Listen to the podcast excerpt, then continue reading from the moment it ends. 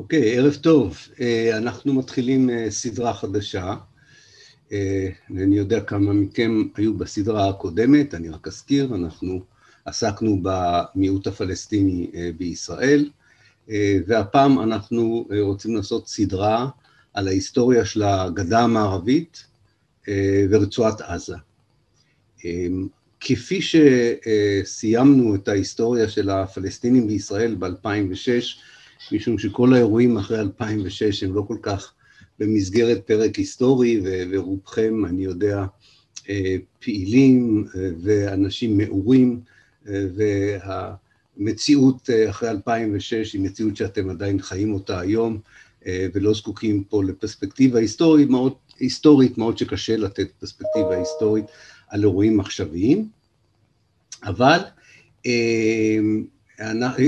לכן אנחנו נעשה דבר דומה לגבי ההיסטוריה של הגדה המערבית ורצועת עזה. אנחנו פחות או יותר נעצור ב-2006, לא שהפרקים בהיסטוריה של שני המקומות האלה אחר 2006 היא לא חשובה, היא פשוט, היא חלק מתהליך שאנחנו בתוכו, ואני מניח שמדי פעם, גם בשאלות וההערות שלכם, אנחנו נקשור בין העבר להווה, כך שגם התקופה היותר מאוחרת, התקופה הנוכחית, תכוסה בהרצאות הללו. היום בהרצאה הראשונה אנחנו נדבר על יצירתה של הגדה המערבית, כיצד נוצרה הגדה המערבית, שהיא יצירה גיאופוליטית שלא הייתה קיימת בפלסטין ההיסטורית לפני 48', היא תולדה של הנכבה, של האסון הפלסטיני, והיא יצור פוליטי מוזר למדי שקשה למצוא דוגמאות ליצירות דומות, פוליטיות, גיאופוליטיות דומות, בהיסטוריה המודרנית של המחצית השנייה של המאה ה-20, אם כי יש כמה מקבילות. אבל כדי להבין איך נוצרה הגדה המערבית, צריך ללכת למקום גיאוגרפי אחר, ולהדרים לחצי האי ערב, לאזור החיג'אז, שבו מצויות שתי הערים הקדושות ביותר לאסלאם, מכה ומדינה, ולפגוש שם את המשפחה ההאשמית, שבסופו של דבר תקים את בית המלוכה ההאשמי בירדן, ותהיה בעצם הארכיטקטית המרכזית של יצירת הישות הגיאופוליטית שהיום אנחנו קוראים לה הגדה המערבית. ההאשמים היו משפחה מאוד מכובדת בחצי האי ערב, ובמיוחד באזור הזה של שתי הערים הקדושות לאסלאם.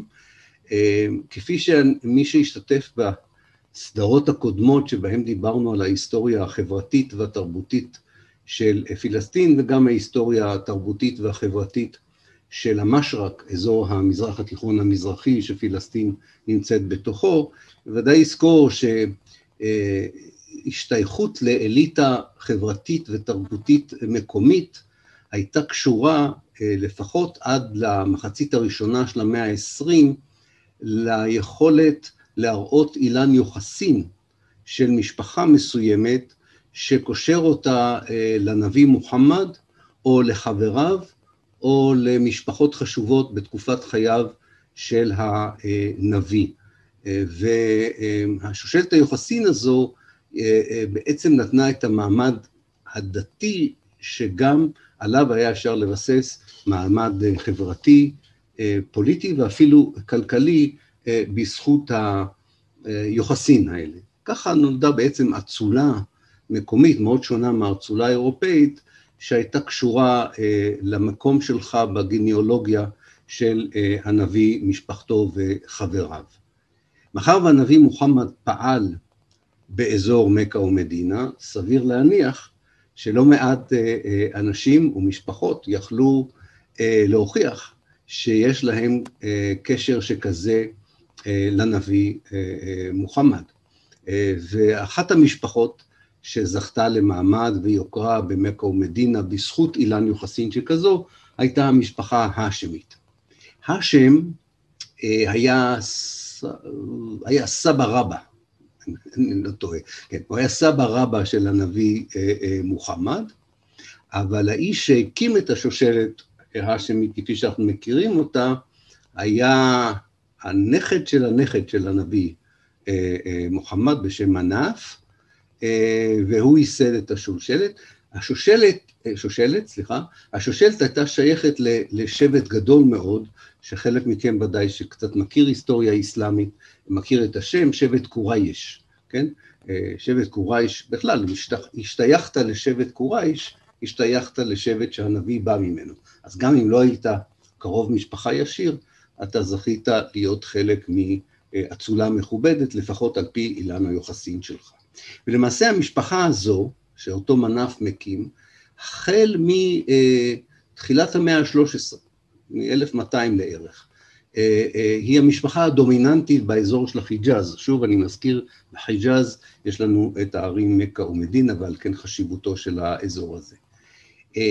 העדות החשובה ביותר למעמד בתוך אזור החיג'אז, באה לידי ביטוי גם בתקופה העות'מאנית ואפילו בתקופה לפני השלטון העות'מאני בעולם הערבי, עם השליט המרכזי, בין, בין שזה השליט באיסטנבול, או לפני כן השליטים בקהיר, בדמשק או בברדד, הכירו בך, כ, בערבית זה נקרא השריף של המקומות הקדושים. זאת אומרת, בן למשפחה מכובדת, שאחראי מטעם האסלאם על קדושתם של מכה ומדינה, כן? האחראי אה, על קדושת ה... שתי הערים האלה, מעמד מאוד מכובד, אין היררכיה דומה בעולם האסלאם להיררכיה הנוצרית, לכן קצת קשה אולי להשוות את זה, אבל יש כאלה שאוהבים, כחוקרים, שאוהבים לומר שזו המשרה השלישית בחשיבותה בעולם הסוני האסלאמי. משפחת האשמי לא תמיד זכתה לתואר הזה, היה מאבק קשה עם משפחות אחרות, כפי שאמרתי, לא היה קשה למצוא משפחות באזור מכה ומדינה שהיה להם אילן יוחסין מפואר שהביא אותם לתקופת הנביא, וגם העות'מאנים נהגו לסכסך בין המשפחות כדי להבטיח את שלטונם. בדרך כלל הם היו מגלים ראשי משפחה אחת לאיסטנבול, כדי להודיע למשפחה ששלטת שתמיד יש לה אלטרנטיבה, שיש לה חלופה. וככה אנחנו מגיעים למאה ה-20, בתחילת המאה ה-20 ראש המשפחה ההאשמי הוא חוסיין בן עלי, סבא רבא של המלך עבדאללה הנוכחי, אני, קשה, קצת קשה עם משפחות עם שושלות יוחסין, אבל אני כמעט בטוח שהוא הסבא רבא של המלך עבדאללה. חוסיין, חוסיין בן עלי, וזה היה, ככה הוא ידוע, על שם אביו, והוא מסתכסך ב-1900, או הסתכסך ב-1908 עם השלטון החדש שקם באימפריה העות'מאנית. כמו שאתם זוכרים אולי מאחד השיעורים הקודמים, באחד הסדרות הקודמות יותר נכון, ב-1908 מתרחשת הפיכה חילונית באימפריה העות'מאנית, אמנם הסולטן אינו מודח, אבל עולה במקומו שלטון של הטורקים הצעירים, שלטון שכמובן מטבע הדברים פחות מייחס חשיבות למכה ומדינה ופחות מייחס חשיבות למעמדו של השריף, ורואה בו כמושל של מחוז קטן שצריך להעלות מיסים ולגייס את אנשיו לצבא הטורקי כמו כל מושל אחר. העוינות הזו של הטורקים הצעירים דוחפים, דוחפת את, או דחפה את, ה, את חוסיין ומשפחתו אל זרועות אויביה של טורקיה המודרנית, ערב מלחמת העולם הראשונה, הלא היא בריטניה, שהייתה המרכיב החשוב ביותר בקואליציה של בעלות הברית במלחמת העולם הראשונה, וכפי שאתם ודאי זוכרים, הטורקים בסופו של דבר מחליטים לא לשמור על ניטרליות ולהצטרף לגרמניה והאימפריה האוסטרו-הונגרית כנגד הקואליציה של בעלות הברית. אישיות מאוד חשובה שזכתה לתהילת עולם בעזרת סרט וספר, וספר חשוב, לורנס איש הרב, הוא האיש שמתווך בין המשפחה ההאשמית לבין הבריטים כדי להפוך את ההאשמים לבעלי ברית, בעלי ברית של בריטניה במלחמת העולם הראשונה. הבריטים ייחסו חשיבות עצומה ליכולת לגייס את המשפחה ההאשמית, ההאשמית לצד, לצידם מלחמת העולם הראשונה, משום שהם סברו, אגב זה בסופו של דבר התברר כלא לגמרי נכון, שיש להאשמים מעמד בלתי רגיל חשוב ובחשיבותו בכל העולם המוסלמי. החשש הגדול ביותר של הבריטים היה שהמוסלמים בהודו התמרדו בזמן מלחמת העולם הראשונה והם קיוו שעם אישיות מוסלמית סונית דתית בכירה אה, אה, תתמוך בהם באופן פומבי, אה, זה יקל על המוסלמים בהודו לא לפגוע במאמץ המלחמתי הבריטי כנגד מעצמות הציר, כפי שהם נקראו אז. כדי להבטיח את נאמנותו של השריף חוסיין למאמץ המלחמתי הבריטי, הנציב העליון הבריטי במצרים, אדם בשם מקמהון, הנרי מקמהון, מתכתב בעזרתו של לורנס איש הרב עם השריף חוסיין, הם מחליפים, החליפו עשרה מכתבים בין סוף 1915 ל-1916, שבו הם פחות או יותר קובעים את העסקה שתאפשר לשריף חוסיין להכריז מלחמת קודש כנגד הטורקים ולקרוא לעולם הערבי להצטרף לבריטים ולצרפתים במאמץ המלחמתי בזירה של המזרח התיכון. המכתבים הם מעורפלים, הם לא כתובים בצורה של חוזה, אבל בכל זאת היסטוריונים חושבים שהייתה בהם הבטחה די ברורה, שאם הבעלות הברית יצליחו להביס את האימפריה הטורקית, אזי המחוזות של האימפריה במשרק, זהו המזרח התיכון, המזרח תיכוני, המזרח, מזרח המזרח התיכון, המחוזות הטורקיים באותו אזור יעברו כמעט כולם לידיה של המשפחה ההאשמית, ובסופו של דבר מדובר על האזור שכולל היום את סוריה, לבנון, את עיראק, את ירדן, את ישראל, את השטחים, וזה אזור שהמלך, לא המלך, השריף חוסיין, כבר החל לדמיין איך הוא מחלק אותו בין ילדיו. היו לו ארבעה בנים, ולפחות לשניים מהם הוא הועיד את המלוכה במחוזות השלל שאמורים היו ליפול לידי בעלות הברית במלחמת העולם הראשונה.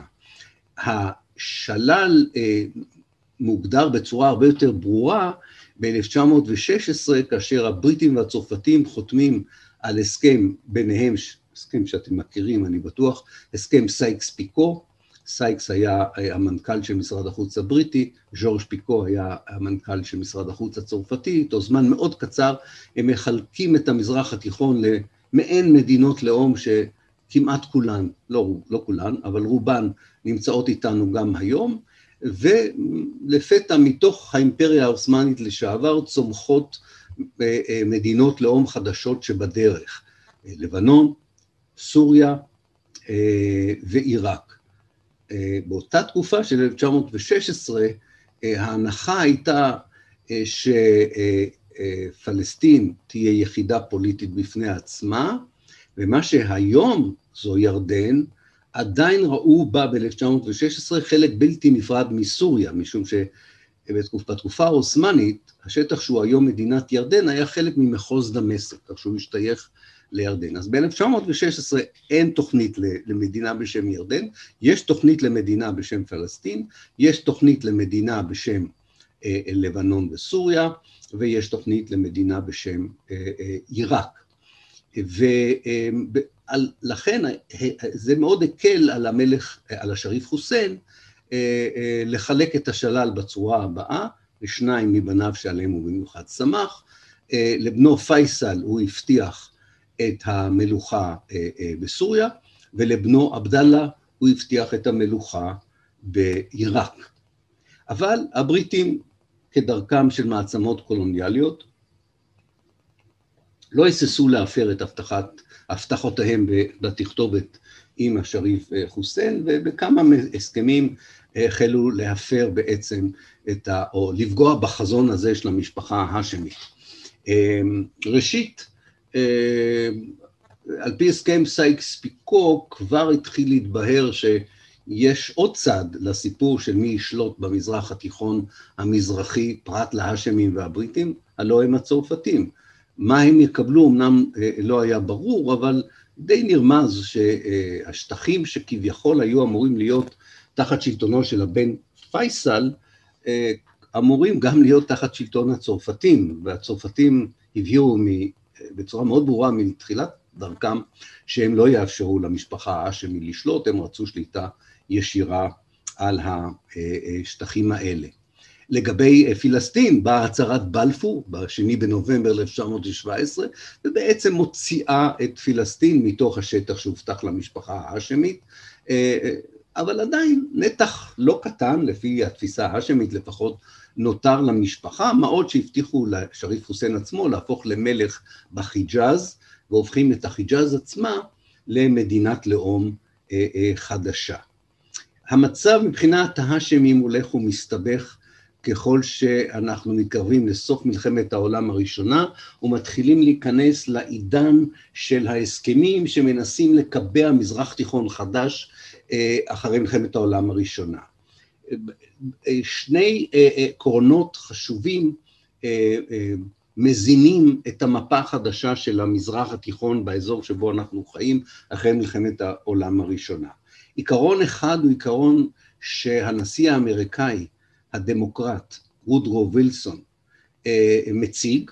אה, וודרו וילסון למעשה התנה את הנכונות של הברית להשתתף במלחמת העולם הראשונה לצד בעלות הברית, ומי שזוכר את ההיסטוריה של המלחמה הזו, יזכור שהאמריקאים נכנסו מאוד מאוחר למלחמת העולם הראשונה, רק ב-1917, רק באביב של 1917, ולולא כניסתם ספק אם היה אפשר להביס את אה, גרמניה ואת האימפריה האוסט-הונגרית. בכל מקרה, כתמורה לכניסה ולהשתתפות האמריקאית, וילסון דורש עולם חדש, הוא לא דורש לפרק את האימפריה, האימפריות הבריטית והצרפתית, אבל הוא דורש לפרק את האימפריות שהובסו במלחמת העולם הראשונה.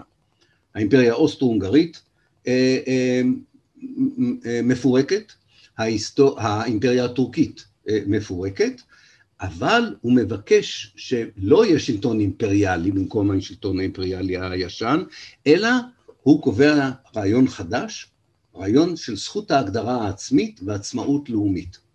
והוא דורש שאם העמים שנשלטו על ידי האימפריה רוצים להקים מדינות לאום ורוצים בשחרור לאומי, המעצמות המנצחות חייבות לתת להם את הזכות הזו. מה שמאוד לא מקובל על בריטניה וצרפת שרוצות להגדיל את השטח האימפריאלי אה, אה, כתוצאה מניצחונם במלחמת העולם הראשונה. מגיעים לפשרה, הפשרה הזו היא פשרת המנדט, מכריזים על כך שאומנם כל המדינות הללו, לפחות בשטח שהיה השטח של האימפריה הטורקית, אה, במדינות הללו אה, אה, בסופו של דבר הן תזכנה לעצמאות, אבל לא מיד, אלא תחת השגחתן והדרכתן של המעצמות כמו בריטניה וארצות, וצרפת, ובעצם חוזרים להסכם סייקס פיקו ואומרים סוריה ולבנון תחת השגחת צרפת, תחת מנדט צרפתי, יגיעו בסופו של דבר לעצמאות, עיראק ופלסטין אה, תחת השגחה בריטית תגענה גם הן לעצמאות. אמ, הסיפור הזה כמובן מאוד מכעיס את ההאשמים, אה, בעיקר במקרה של סוריה ולבנון. ניחא, הם קיבלו את הרעיון שהם לא יכולים לה, אה, אה, למנוע אה, את המנדט הצרפתי אולי על, על סוריה ולבנון, אבל הם דרשו שלפחות הבית ההאשמי יהיה בית המלוכה שמנהל את סוריה ולבנון, ולא רק את סוריה ולבנון, אלא גם את ירדן של היום וגם את פלסטין של היום. לצורך העניין הזה נחזור קצת אחורה לכיבוש אה, אה, כל האזור הזה בסוף 1918, אה, לורנס איש ערב וידידיו עוזרים למלך פייסל, לנסיך פייסל, הנסיך פייסל ההאשמי, שכזכור אביו הבטיח לו את האזור של סוריה, להגיע לדמשק, כביכול לכבוש אותה, הוא לא באמת כובש אותה, הצבא האוסטרלי כובש אותה, אבל הוא נכנס יום אחרי זה כאילו הוא כבש אותה, והוא מקים בדמשק בירה חדשה של סוריה הגדולה. הוא טוען שהוא לא רק מלך של מה שהיום סוריה, אלא הוא מלך סוריה הגדולה, שכוללת את לבנון, את פלסטין ואת השטח שהוא היום ירדן. האמת שלא מעט מהפוליטיקאים הפלסטינים אה, מקבלים את הרעיון הזה אה, ושולחים נציגים לפרלמנט שהוא מקים בדמשק, והממלכה הזו של פייסל, ממלכת סוריה הגדולה, מחזיקה מעמד אה, עד 1920, עד הקיץ של 1920. הצרפתים מתחילת ההכרזה, מהיום שהממלכה הזו הוכרזה ב-1918, מודיעים שהם לעולם לא יכירו בה, והם מסרבים לאפשר לבית האשמי, בכלל, הם לא מוכנים לאפשר לבית מלוכה, אה, אה, לנהל את המנדט הצרפתי על אה, סוריה ולבנון, אבל לוקח להם הרבה זמן לשלוח כוחות ללבנון, שינחתו בלבנון ואחר כך יגיעו לסוריה, כדי לבטל בכוח את הממלכה הזו שהאמיר פייסל מקים בסוריה. ובסופו של דבר כשהם נוחתים הם מביסים את המלך פייסל, מגרשים אותו מדמשק, כפי שחלק מכם זוכר בוודאי, הוא מקבל מקלט בחיפה, והוא מעניק לעיר אה, מתנה, את האובליסק שהוא גנב מהמצרים, והאובליסק הזה אחר כך נשבר אה, לשתיים, אחר כך עיריית חיפה בכלל הזיזה אותו לאיזה מקום שבקושי אפשר למצוא אותו עד היום, אבל בכל זאת הוא כנראה אה, הרגיש טוב בחיפה אם הוא העניק לה מתנה כזו מכובדת, עד היום הפלסטינים בחיפה לפחות קוראים לכיכר הזו אה, כיכר פייסל. אמ, כעת נוצרה בעיה לבריטים, משום שהם הפרו את ההבטחה להאשמים, שהם יהיו, יהיה להם בתי מלוכה במה שנקרא סוריה ולבנון, והם הפרו את ההבטחה להאשמים, שפילסטין תהיה גם חלק מהממלכה ההאשמית. המקום היחידי שבו הם יכלו לפחות לממש את ההבטחה שלהם היה בעיראק, והשאלה הייתה, אה, האם אה, האשמים הסתפקו בכך שעבדאללה, הבן השני של המשפחה האשמית, יהיה מוכן להיות המלך של עיראק. אבל לורנצי שרב מאוד מקורב לפייסל, פחות אוהב את עבדאללה, והוא משכנע את שר המושבות הבריטי דאז, וינסטון צ'רצ'יל, בוועידה שמתקיימת בקהיר ועוד לפני זה בלונדון, שראוי אה, שפייסל יהיה מלך אה, עיראק ולא עבדאללה, וצ'רצ'יל מקבל את העניין הזה, וכך אה, פייסל עוזב את חיפה ומומלך, הייתי אומר בכוח, על, על עיראק. לעיראקים היו רעיונות אחרים, כיצד תיראה מדינת הלאום העיראקית ובמידה מסוימת הבריטים, לא מידה מסוימת, הבריטים כפו עליהם להיות בית מלוכה קונסטיציוני קונסטיטוציוני האשמי תחת אה, שלטון אה, בריטי אה, עקיף שהיה ישיר למדי. אמ, עבדאללה, צ'רצ'יל מציע לעבדאללה להיות שר החוץ אצל אביו בחיג'אז, אבל עבדאללה הוא איש נבון, הוא מרגיש שהבריטים, אי אפשר לסמוך על הבריטים, מה עוד שהוא מגלה שלבריטים יש, יש בעל ברית חדש בחצי האי ערב, המלך סעוד, שמכריז ללא שום בושה שמטרתו היא להשתלט על מכה ומדינה, ועבדאללה מבין שאין שום סיכוי שהבריטים יעזרו לו להגן, לו ולאביו להגן על מכה ומדינה, והוא פותח במסע אה, צפונה ממכה ומדינה לעבר סוריה, אה, בטענה שהוא הולך אה, לשקם את כבודו האבוד של אחיו שסולק על ידי, בתבוסה צבאית מסוריה, ולהקים את הממלכה, הוא מוכן שפייסל יהיה בעיראק, אבל הוא הולך להקים את הממלכה שלו בעבדאללה. זאת אומרת, יהיה פה סוואפ בין עבדאללה לפייסל, אין לו בעיה עם זה, בתנאי שהוא יקבל את ממלכת סוריה וסוריה הגדולה, לא סתם. אמ, הוא, פון, הוא יוצא עם משפחתו לעבר אה, אה, סוריה, כפי שהערתי כמה פעמים בסדרות הקודמות, משפחה אז זה לא שני הורים ופודל, זה עשרת אלפים איש, בדרך הם מתעמתים עם ממלכה שהייתה קיימת בשם אבן רשיד, על הגבול של בין ירדן לסעודיה של היום, הם מחסלים את הממלכה הזו, וחלק מהשבטים שהשתייכו לממלכה הזו מצטרפים לעבדאללה, הוא לא התכוון להגיע לסוריה, הוא ידע שהוא לא יכול להביס את הצרפתים, והוא נעצר בכפר צ'רקסי קטן בשם עמאן, אה, וחיכה לראות מה הבריטים אה, יעשו. אה, נדמה לי שכבר פעם אחת סיפרתי, ואני מתנצל אם מישהו כבר שמע את הסיפור הזה, בדרך,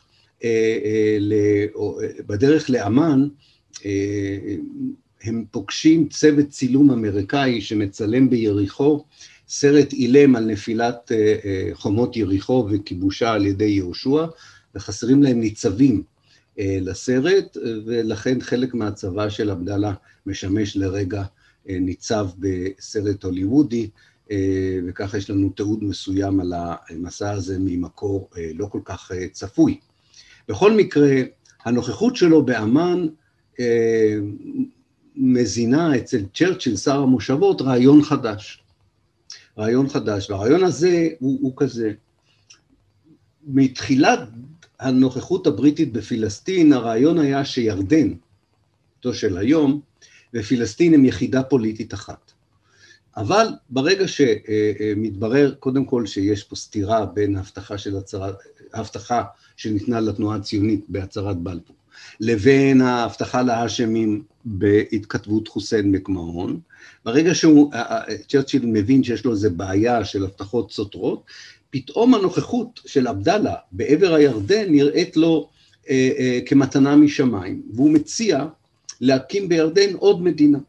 צריך להבין את המנטליות והראש הקולוניאלי של סוף מלחמת העולם הראשונה. הם הקימו מדינות, הם פירקו מדינות, הם אה, חילקו עמים לשתיים, הם אה, העבירו עמים אה, מפה לשם, הם היו כל יכולים בתדמיתם, ובמרבית המקרים התדמית הזו תורגמה למעשים בשטח. וכך החליטו להקים את מה שהם קראו אז טרנס ג'ורדן, עבר הירדן, ארץ צחיחה למדי, בעיקר שבטית, שבטים נוצרים ושבטים מוסלמים, ובעזרת פקידות בריטית וצבא בריטי, מקימים, מנסים להקים תשתית למדינה אה, אה, מודרנית, אה, ועבדאללה מסתפק בירדן, אבל, בעבר הירדן, אבל מדי פעם מנסה בעזרת ידידים באזור ובעזרת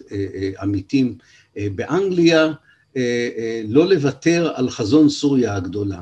למעשה עד סוף מלחמת העולם השנייה הוא, הוא, היו לו תוכניות שהוא קיווה שבסופו של דבר אה, יקבלו אותו כיורשו של אחיו, של המלך פייסל.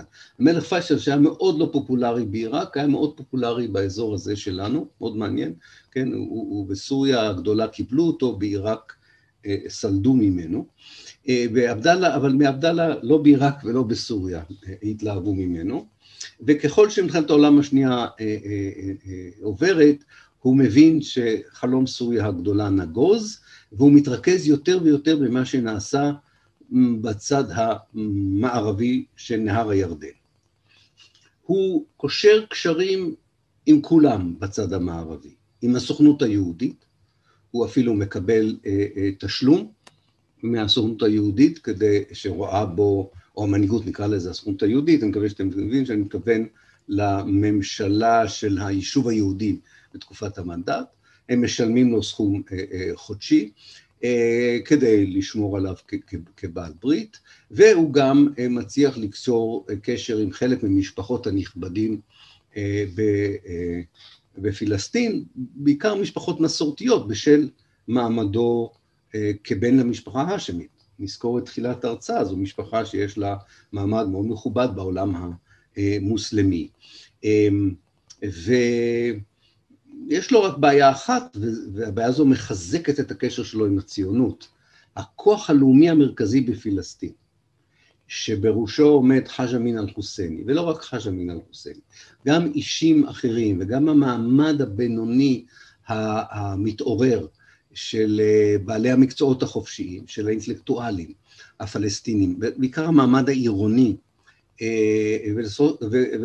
ובסופו של יום גם המנהיגות הכפרית מאוד מתלהבים מרעיון התנועה הלאומית הפלסטינית העצמאית, מאוד מתלהבים מהרעיון של פלסטין עצמאית, לא רוצים להיות חלק מממלכה האשמית, לא מעבירים את הנאמנות שלהם לפייסל, הנאמנות שלהם אל, אל, אל, אל עבדאללה, הוא מגלה שהכוח הלאומי המרכזי בפלסטין הוא נגדו, ו, ולכן הוא מחזק את הקשרים עם התנועה הציונית, במיוחד כאשר מתברר שהבריטים עומדים לעזוב את פלסטין. הבריטים, כזכור, ב-1 לפברואר 1947 מכריזים שהשלטון הבריטי בפלסטין מגיע לסיומו, והם מעבירים את בעיית פלסטין אל האומות המאוחדות, והאו"ם מקים את ועדת אונסקוף, ועדת החקר המיוחדת לעניין פלסטין. כזכור לכם אולי מסדרה קודמת, הפלסטינים ורוב מדינות ערב מחרימים את דיוני הוועדה, הם לא רואים בצד הציוני צד לגיטימי לדיון על עתיד פלסטין, הם דורשים שבשם העיקרון הדמוקרטי שיושם בכל מדינה ערבית אחרת, גם בפלסטין, הרוב הדמוגרפי והרוב הדמוקרטי יקבעו את זהותה ועתידה של הארץ, אה, אה, וכל עוד אונסקופ רואה במתיישבים הציונים אה, גורם לגיטימי במשא ומתן על עתידה של הארץ, הם לא מוכנים להשתתף במשא ומתן הזה, ורוב מדינות ערב תומכות בעמדה הזו.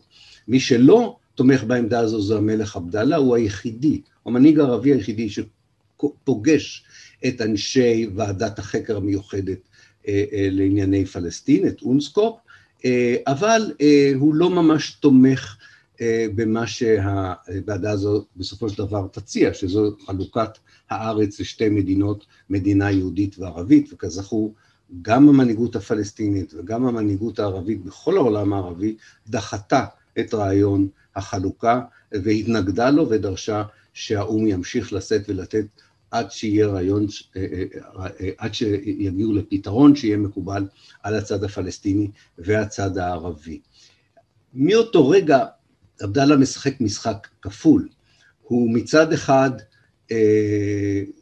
ממשיך באופן אינטנסיבי מגעים עם הצד היהודי, אפשר לקרוא לו ממאי 1948 הצד הישראלי, והמגעים מטרתם אחת היא, לחלק את הארץ מערבית לנהר ירדן, בין ירדן או בין עבר הירדן לבין המדינה היהודית שבדרך.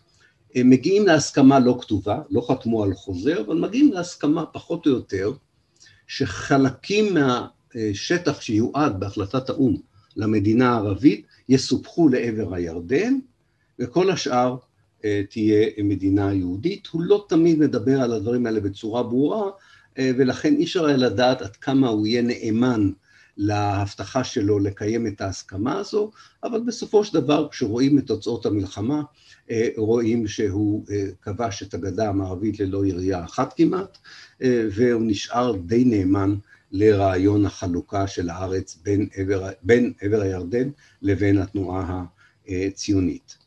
מצד שני הוא חושש לא להיות בכלל חלק מהמאמץ הכלל ערבי, גם הדיפלומטי ואחר כך גם הצבאי, כדי להציל את הפלסטינים. גם עליו הטיהור האתני של הפלסטינים, שבאפריל 48' מגיע לשיאים חדשים, חודש לפני סיום המנדט הבריטי ועוד לפני צבא ערבי אחד נכנס לארץ, כבר מאות אלפים של פלסטינים הפכו לפל... לפליטים, במיוחד בערים הפלסטיניות, וחלק מהם מגיע גם לירדן. והלחץ גובר עליו ועל המנהיגים הערבים לעשות משהו, ורוב המנהיגים הערבים לא רוצים לעשות כלום בנושא של פלסטין, אבל מאפריל כבר אין להם ברירה, ועבדאללה שואל את עצמו איך הוא ישתתף במאמץ המלחמתי הזה להציל את הפלסטינים, אבל בעיקר לשמור על האינטרסים שלו. ולכן הוא מציע את עצמו להיות ראש הצבא הכלל הערבי, אה, תחתיו הוא שם גנרל עיראקי, אה, מפני שעיראק עדיין באותה תקופה עם אותה משפחה שלו, הבית האשמי אה, בעיראק, והוא מפקח בעזרת הקצינים הבריטים על המהלכים של המלחמה בצורה שלא תזיק לאינטרסים שלו. הבעיה הגדולה ביותר שלו הייתה שלפחות על פי התוכניות המקוריות, הוא היה אמור להיפגש עם כוח המשלוח המצרי באזור פלוג'ה, אזור של קריית גת היום, אה, אה, ולהתחבר ועל ידי זה לחתוך את המדינה היהודית שבדרך אה, לשתיים. והצבא המצרי מחכה ומחכה ואפילו לא מגיע טבח מהצבא הירדני, והוא בוגד בעצם בצבא המצרי, ולא רק זה, הם נלכדים שם במה שנקרא כיס פלוג'ה, ובין הלכודים, כזכור לחלק מכם, היה גם ג'מאל, גמל עבד אל-נאצר. מה שהוא כן נלחם עליו זה הקצוות של הגדה המערבית. מה שתהיה בסופו של דבר הגדה המערבית. הוא נלחם על ואדי ערה בעזרת הצבא העיראקי בהצלחה. ישראל לא מצליחה לכבוש את ואדי ערה, היא לא מצליחה לכבוש את לטרון, היא לא מצליחה לכבוש את ירושלים המזרחית, היא נאבקת קשה מאוד על ארם נהריים, אה, ולא מצליחה להציל את אה, גוש עציון. אה, אבל בגדול הוא לא נכנס לשטח המדינה היהודית, וזה הדבר החשוב ביותר שהוא הבטיח לעשות. אה, בהבנה שלו עם המנהיגות הציונית ערב מלחמת 48. אה, המהפך הגדול אה, בהתנהגות שלו מגיע ביולי 1948. ביולי 1948 הליגיון עומד בפני התקפה של הצבא הישראלי על הערים לוד ורמלה. לאור כל הניסיון שהיה לליגיון עד אז, בכל מקום שהליגיון הגן על כפר או עיר ערבית, הוא ניצח. כי הוא היה צבא הרבה יותר טוב מהצבא הישראלי. אה, אבל הוא מחליט לסגת, הוא מותיר את לוד ורמלה לנפשם, אה, והצבא הישראלי מגרש את תושבי העיר האלה, תושבי הערים האלה. לימים אה, הבן שלו, המלך חוסיין, נטען שזו הייתה החלטה של הרמטכ"ל הבריטי של הצבא הירדני, אדם בשם גלעד פאשה, והוא יעמיד אותו למעין משפט על הבגידה בלוד ורמלה. אה, וזה היה תירוץ בשבילו לסלק את הגנרל הזה מירדן ב-1952, אבל האמת היא שזו הייתה החלטה ירדנית בריטית, לא להגן על לוד אה, ורמלה, וכן להגן על לטרון. וראיתם מה קרה כשהצבא הירדני הגן על לטרון ב-48'. מאותו רגע, המפה של הגדה המערבית לראשונה מתעצבת. מיולי 48' פתאום יש לנו שטח שהוא מעבר לנהר הירדן, שהוא מסופ... עדיין לא מסופח, אבל הוא תחת שליטה ירדנית ועיראקית, ולמרות כל מיני קולות מלחמה מהצד הישראלי, דומה שישראל ויתרה עליו. ישראל ויתרה, וזה לא סתם ויתור, זה ויתור על אה, מה שאנחנו יודעים מהשיח המשיחי שהתפתח במדינה הזאת אחרי 67, היא מוותרת על ערי האבות, על ערי התנ"ך, על הלב של האומה היהודית, אבל היא מוותרת. אה, יש לחץ לא לוותר מהגנרלים הצעירים, אבל בן גוריון עומד ב, בלחץ, הוא לא מוכן לכבוש את הגדה המערבית, והוא לא מוכן להפר את ההסכם שהיה לו עם הירדנים. אה, המלך עבדאללה אה, מתחיל לדבר על המונח הזה, הדף על ערבייה, the West Bank. אף אחד בעולם לא קורא לאזור הזה הגדה המערבית. כולם קוראים לזה Arab Palestine, פלסטין הערבית, אה, אבל לאט לאט מתרגלים למונח הזה. מי שבמיוחד מתנגדים לכל המהלך הזה ולהסכמה הזו ולשרטוט הירדני-ישראלי הזה של מפת פלסטין, ללא שום שיתוף פעולה, ללא שום אה, שיתוף של הפלסטינים בעתיד פלסטין, הם הפלסטינים כמובן. המנהיגות הפלסטינית המפורקת, המפורדת, הוועד הערבי העליון, שסובל אה, כמו כולם מהנכבה, מה, אה, אה, הפלסטיני, בכל זאת מנסה לארגן את עצמו מחדש בעזרת המצרים. המצרים אה, נמצאים בעזה, אני אפילו לא הייתי אומר כובשים את עזה, ישראל יכלה לכבוש את עזה תוך יום.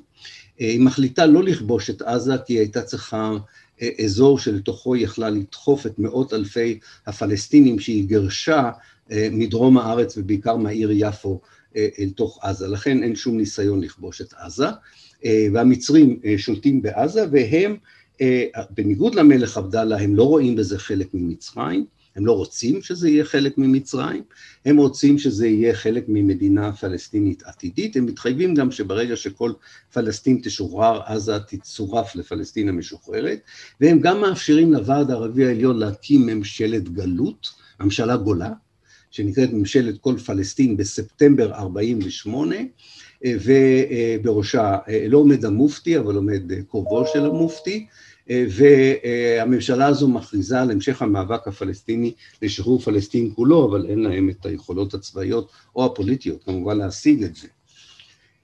במקביל לכל האירועים האלה, האו"ם מנסה להציע פתרון חלופי להצעת החלוקה שנכשלה לחלוטין.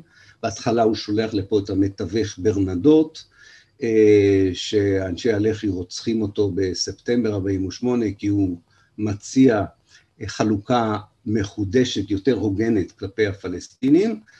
אה, למזלו של המלך עבדאללה, המתווך ברנדות שעבד פה בחודשים מאי עד ספטמבר, עד, עד שהוא נרצח, אה, הביא שתי תוכניות. בתוכנית הראשונה הוא דאג מאוד לפלסטינים. בתוכנית השנייה, ברנדות, איש לא יודע למה, הוא השתכנע שלפלסטינים אין יכולת להקים מדינה משלהם בשלב ההוא, והוא קיבל את הרעיון של המלך עבדאללה, שעדיף ששטח שלא יהיה יהודי יהיה שטח ירדני, והוא ממליץ על סיפוח השטחים הפלסטינים, אה, הוא קורא לזה Arab Palestine, המלך עבדאללה כבר קורא לזה The West Bank, הגדה המערבית, אבל השטח הוא השטח שאנחנו מכירים, אה, וההמלצה הזו מצילה את המלך עבדאללה, כי אה, הייתה יכולה להיות הצעה אחרת של האו"ם לגבי החלטת החלוקה, אבל האו"ם בעצם מחליף את החלטת החלוקה לשתי מדינות להחלטה חלוקה של יצירת ישראל ולידה ירדן הגדולה, אם אפשר לקרוא לזה כך. עבדאללה פועל מאוד מהר מאותו רגע. אה, במשך חודש אוקטובר הוא מכנס אה, כנסים בכל רחבי הגדה המערבית.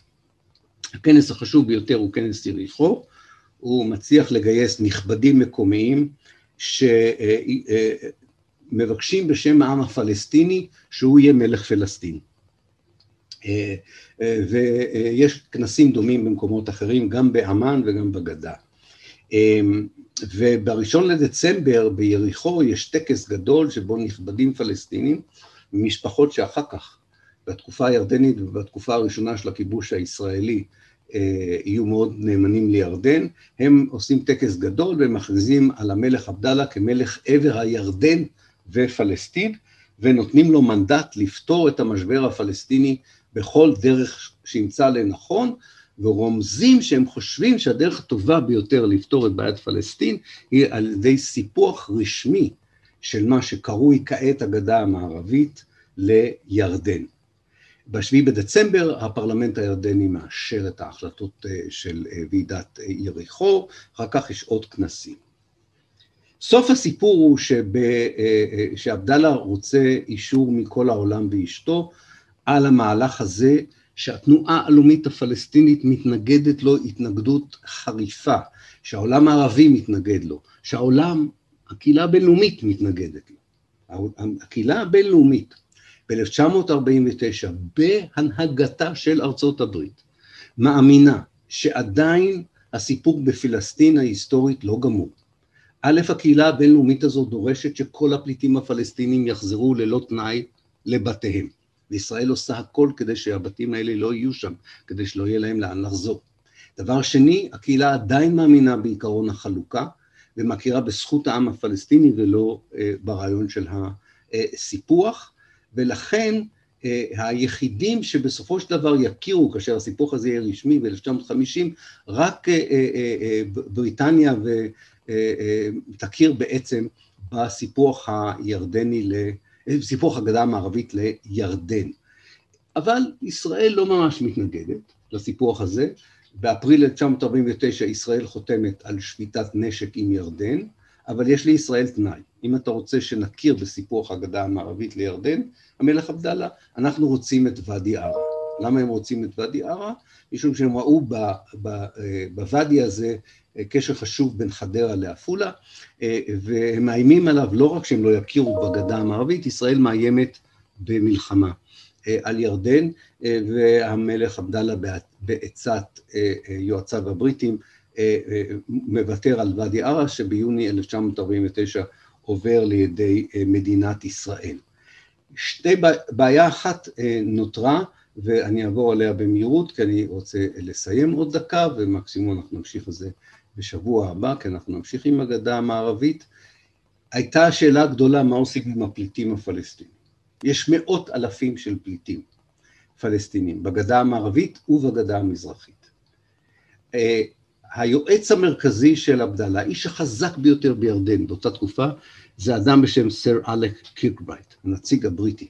הוא היה הרבה יותר מנציג בריטי, הוא היה הנציב העליון, כי ירדן עדיין לא עצמאית באופן מלא, אה, אבל הוא היה כל יכול בירדן, והוא מציע למלך עבדאללה להתנגד ליישב אפילו פליט אחד בירדן. זאת אומרת, הוא לא אומר לו לגרש את הפליטים שנמצאים במחנות הפליטים, אגב, עדיין מבלי שתקום עדיין, זה עדיין בטרם קמה סוכנות הסיוע והסעד של האו"ם, זה בעזרת ארגונים וולונטריים פלסטינים, ערבים ואמריקאים, מקיימים איכשהו את אה, מאות אלפי הפליטים האלה הפלסטינים, במיוחד בחורף הקשה של 48' ו-49', אבל קירקברייד אומר לעבדאללה, תהיה נאמן לרעיון של הפליטים האלה, יש להם בית, יש להם בית, יש להם לאן לחזור, תיזהר מהעניין הזה, כי זה יפגע גם בירדן. זה לא רק עניין הומני אצל קירקברייד, זה עניין פוליטי.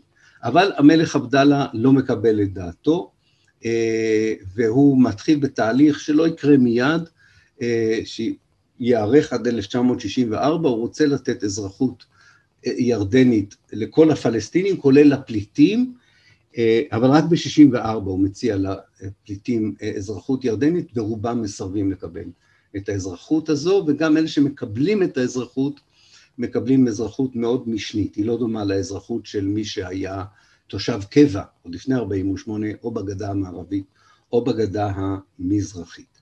אני אסיים ואומר שב-24 באפריל, אה, אחרי בחירות לא בדיוק דמוקרטיות, אה, כל הגדה המערבית תומכת ברעיון של סיפוח הגדה המערבית לירדן. עבר הירדן משנה באופן רשמי את שמה לירדן, אה,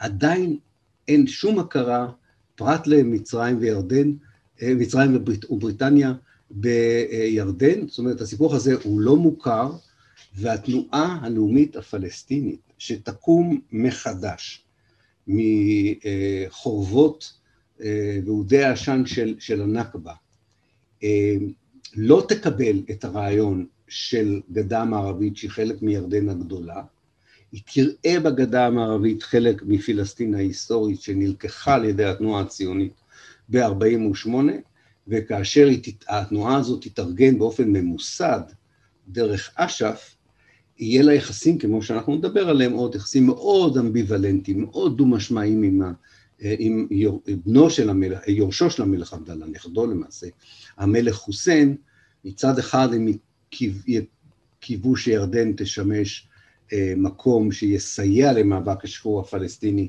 מצד שני הם לא ראו בירדן בעלת ברית נאמנה ואמינה לשחרור פלסטין, ולא ראו בגדה המערבית חלק, מפלסטין, חלק מירדן, אלא חלק מפלסטין ההיסטורית, לכשזו אה, אה, תשוחרר.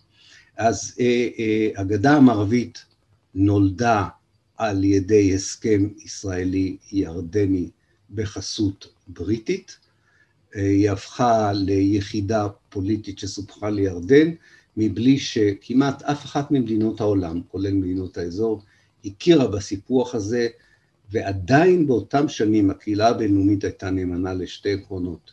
אחד, שכל הפליטים הפלסטינים רשאים לחזור, ושניים, שבעיית פלסטין לא נפתרה. שהקמת המדינה היהודית היא לא סוף הדרך, זה ישתנה כמובן, זה יהפוך למשהו אחר, אבל על כך עוד בהרצאות הבאות. אז אני אעצור פה. אוקיי, יש שאלות, אני כבר רואה. סליחה רגע. אה, דן תדמור. שבעת עמודי החוכמה הוא ספרו של לורנס איש הרב, המעוניינים לקבל את העותק שלי הודפס בשנת 1919. לדן תדמור יש אה, אה, מה שנקרא first edition, מדהימים, אז אני רואה שגם אחד מהם זה לורנס איש ערב. לורנס איש ערב כמובן זה הגרסה, שבעת העמודים, סליחה, זו הגרסה שלורנס כתב על כל הסיפור שסיפרנו עליו בתחילת ההרצאה. יהודית שואלת, מה בעצם השטח של פלסטין ההיסטורית ומאיפה המושג הזה מגיע? אה, שאלה קשורה, האם אש"ף מקבל את גבולות סייקס פיקו, ואם כן, למה? אש"ף בתור דוגמה. שתי שאלות באמת אה, אה, שונות. פלסטין על תאריכייה, פלסטין ההיסטורית זה מונח אה, נזיל, אה, יהודית. אה, הוא תלוי איפה את קוראת אותו. אם את קוראת אותו במסמכים של התנועה הלאומית הפלסטינית מאז 1920, זוהי אה, אה, ישראל של היום עם הגדה המערבית ורצועת עזה. אה, מה שנקרא ארץ ישראל המנדטורית, או פלסטין המנדטורית. כמובן שברגע, וזה קשור לשאלה השנייה שלך, ברגע שאש"ף אה, אה, מתחיל לעבור איזשהו תהליך של קבלה פרגמטית של רעיון שתי המדינות, אה, ובכלל אחרי הסכם אוסלו, כשאש"ף הופך באיזשהו מקום לרשות הפלסטינית, המונח פלסטין עומד על, יש לו שני ממדים, יש לו את הממד ההיסטורי עדיין, זה כל פלסטין כולה, והממד הפוליטי, שזהו הגדה המערבית ורצועת עזה, כך שזו שאלה שלא קל לענות עליה, זאת אומרת, אם מדינה היום מכירה בפלסטיין, יכול מישהו להגיד, אה, היא מכירה ברשות הפלסטינית, ויכול מישהו להגיד, היא מכירה בפלסטין ההיסטורית. לגבי סייקס פיקו, כדאי פעם לקרוא, יש לדעתי גם תרגום לעברית, של ההצהרה, הצהרת העצמאות הפלסטינית מה-15 בנובמבר 1988, כאשר אש"ף באופן רשמי קיבל את רעיון שתי המדינות. ההצהרה הזו שחיבר מחמוד דרוויש אה, מדברת על כך שהסכמי סייקס פיקו, הצהרת בלפור והחלטת החלוקה הם פשעים. הם החלטות לא מוסריות, הם הצעות לא מוסריות שפגעו בזכות של העם הפלסטיני לריבונות ולעצמאות.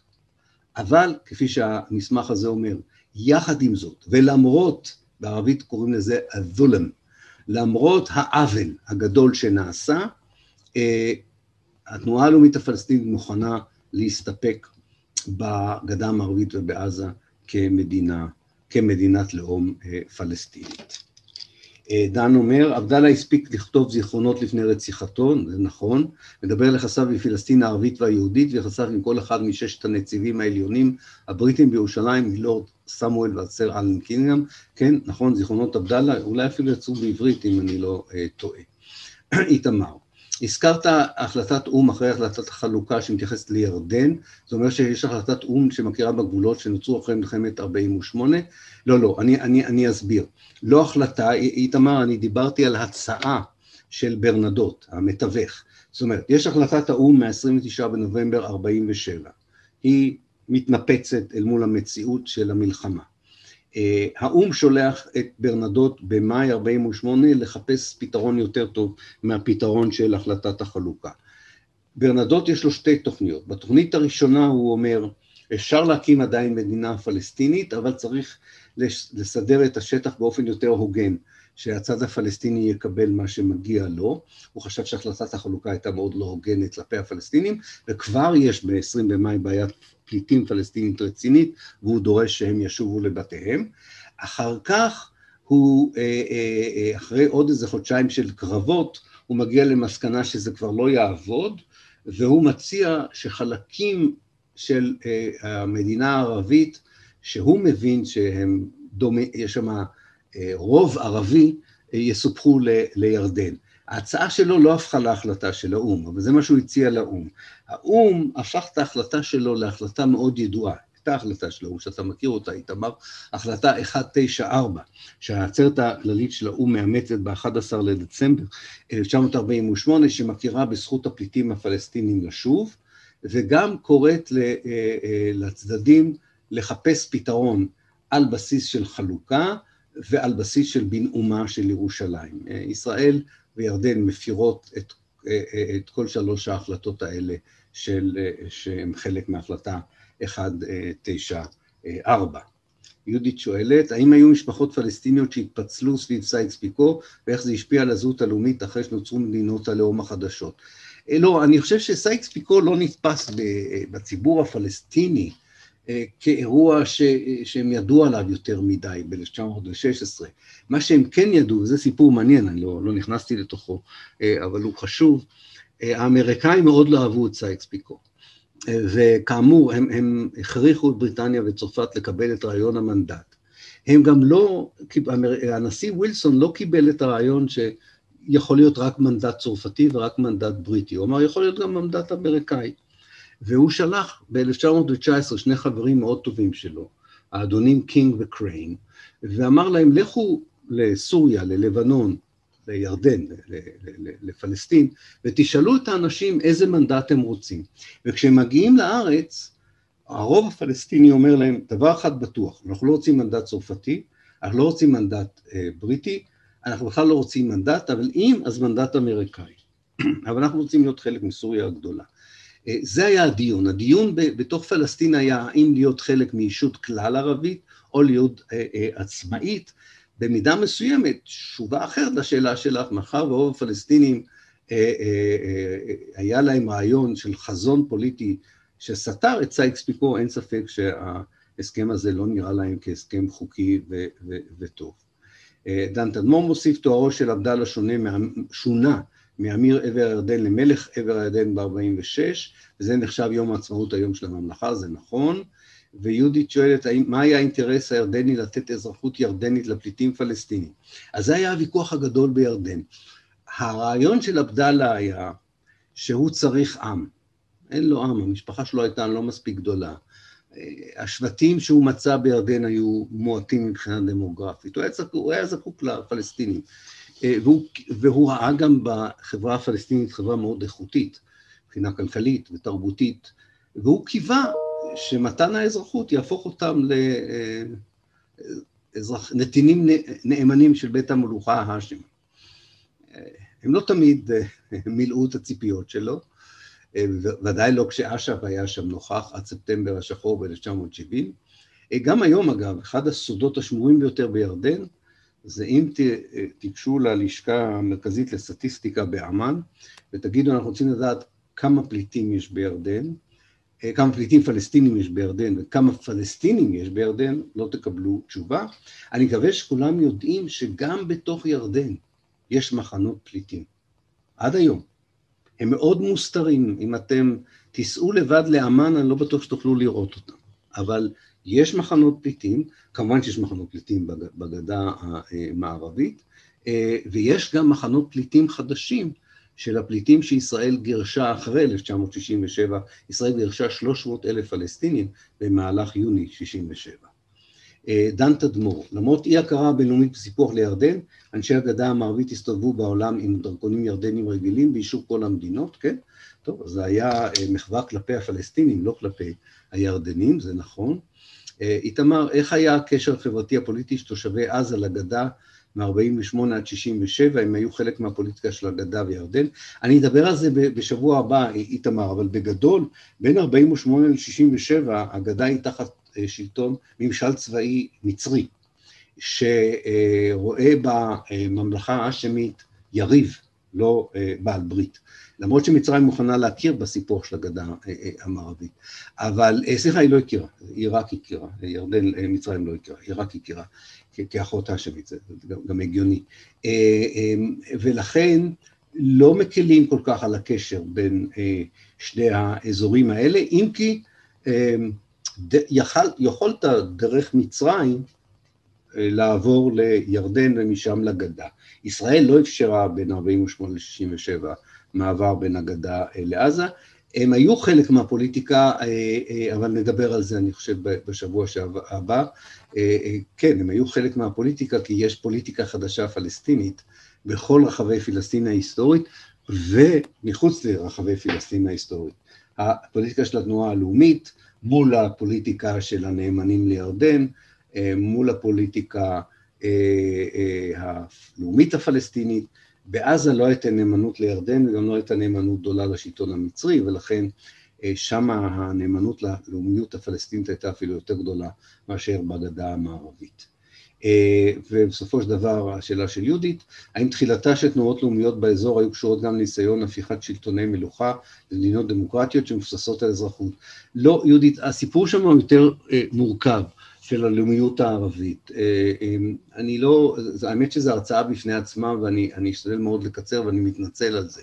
אה, אבל בגדול אני, אני אולי אדגים את זה על ידי הדרך שבה המשפחה ההאשמית יכולה הייתה להגיד ב-1916 לבריטים, אנחנו נציגי הלאומיות הערבית. פייסל דאג להיפגש עם כל התנועות הלאומיות שהיו בעולם הערבי ב-1916, והיו הרבה אגודות לאומיות שפעלו באופן חשאי, מחתרתי, למען, הלאומ... למען רעיון, רעיון הלאומיות הערבית. היה אסור, כן? היה אסור לפעול למען רעיון שכזה. הטורקים עשו על זה והטלו אנשים מאוד כבדים. אבל הוא הצליח להיפגש עם חלק מהאגודות הסודיות האלה, וקיבל מהם בעצם את האסמכתה להיות חלק מהנהגה שתדרוש את שחרור העולם הערבי כולו, גם מקבוצות פוליטיות שלא רצו בית מלוכה, אבל חשבו שאולי בית מלוכה קונסטיטוציוני לא יהיה כל כך נורא. אגב, ובזה אני אסיים, אני שכחתי להזכיר משהו, וזה הזכיר לי פשוט את העניין הזה, מ-1950 בירדן, זו הייתה עבירה חמורה ביותר להזכיר את המילה פלסטין. היה אסור להזכיר את המילה פלסטין. זה מאוד מעניין, כי זה לא עבד, קודם כל, אבל זה מראה משהו על המנטליות של המלך עבדאללה, על החזיונות שלו, על, על השאיפות שלו, ואולי זה גם מספר לנו משהו על המורכבות של היחסים האלה בין הבית ההאשמי לפלסטינים. אבל הנה נולדה לנו גדה מערבית מתוך פלסטין, לימים אפילו גדולי האומה הפלסטינית יגידו, עם כל הביקורת, ויש להם ביקורת חריפה ביותר, על הדרך שעבדאללה שיתף פעולה עם הסוכנות היהודית, הם יגידו, אבל אולי, וזה נכון אני חושב היסטורית, בזכות ההסכם הזה, תושבי שכם, בית לחם, חברון, טול כרם, ג'נין וכל הכפרים שביניהם לא הפכו לפליטים ב-48'. וזה משהו שזוכרים לעבדאללה. כך שבזיכרון הקולקטיבי יצירת הגדה המערבית היא, היא מורכבת, היא גם כתם, אבל היא גם פרק של uh, הצלה, פרק של הצלה. Uh, ולכן היחסים הם, הם מורכבים. אבל על כך נדבר קצת יותר בשבוע הבא. אז אני מאוד מודה לכם על ההאזנה ועל ההקשבה. ומקווה לראות אתכם בשבוע הבא.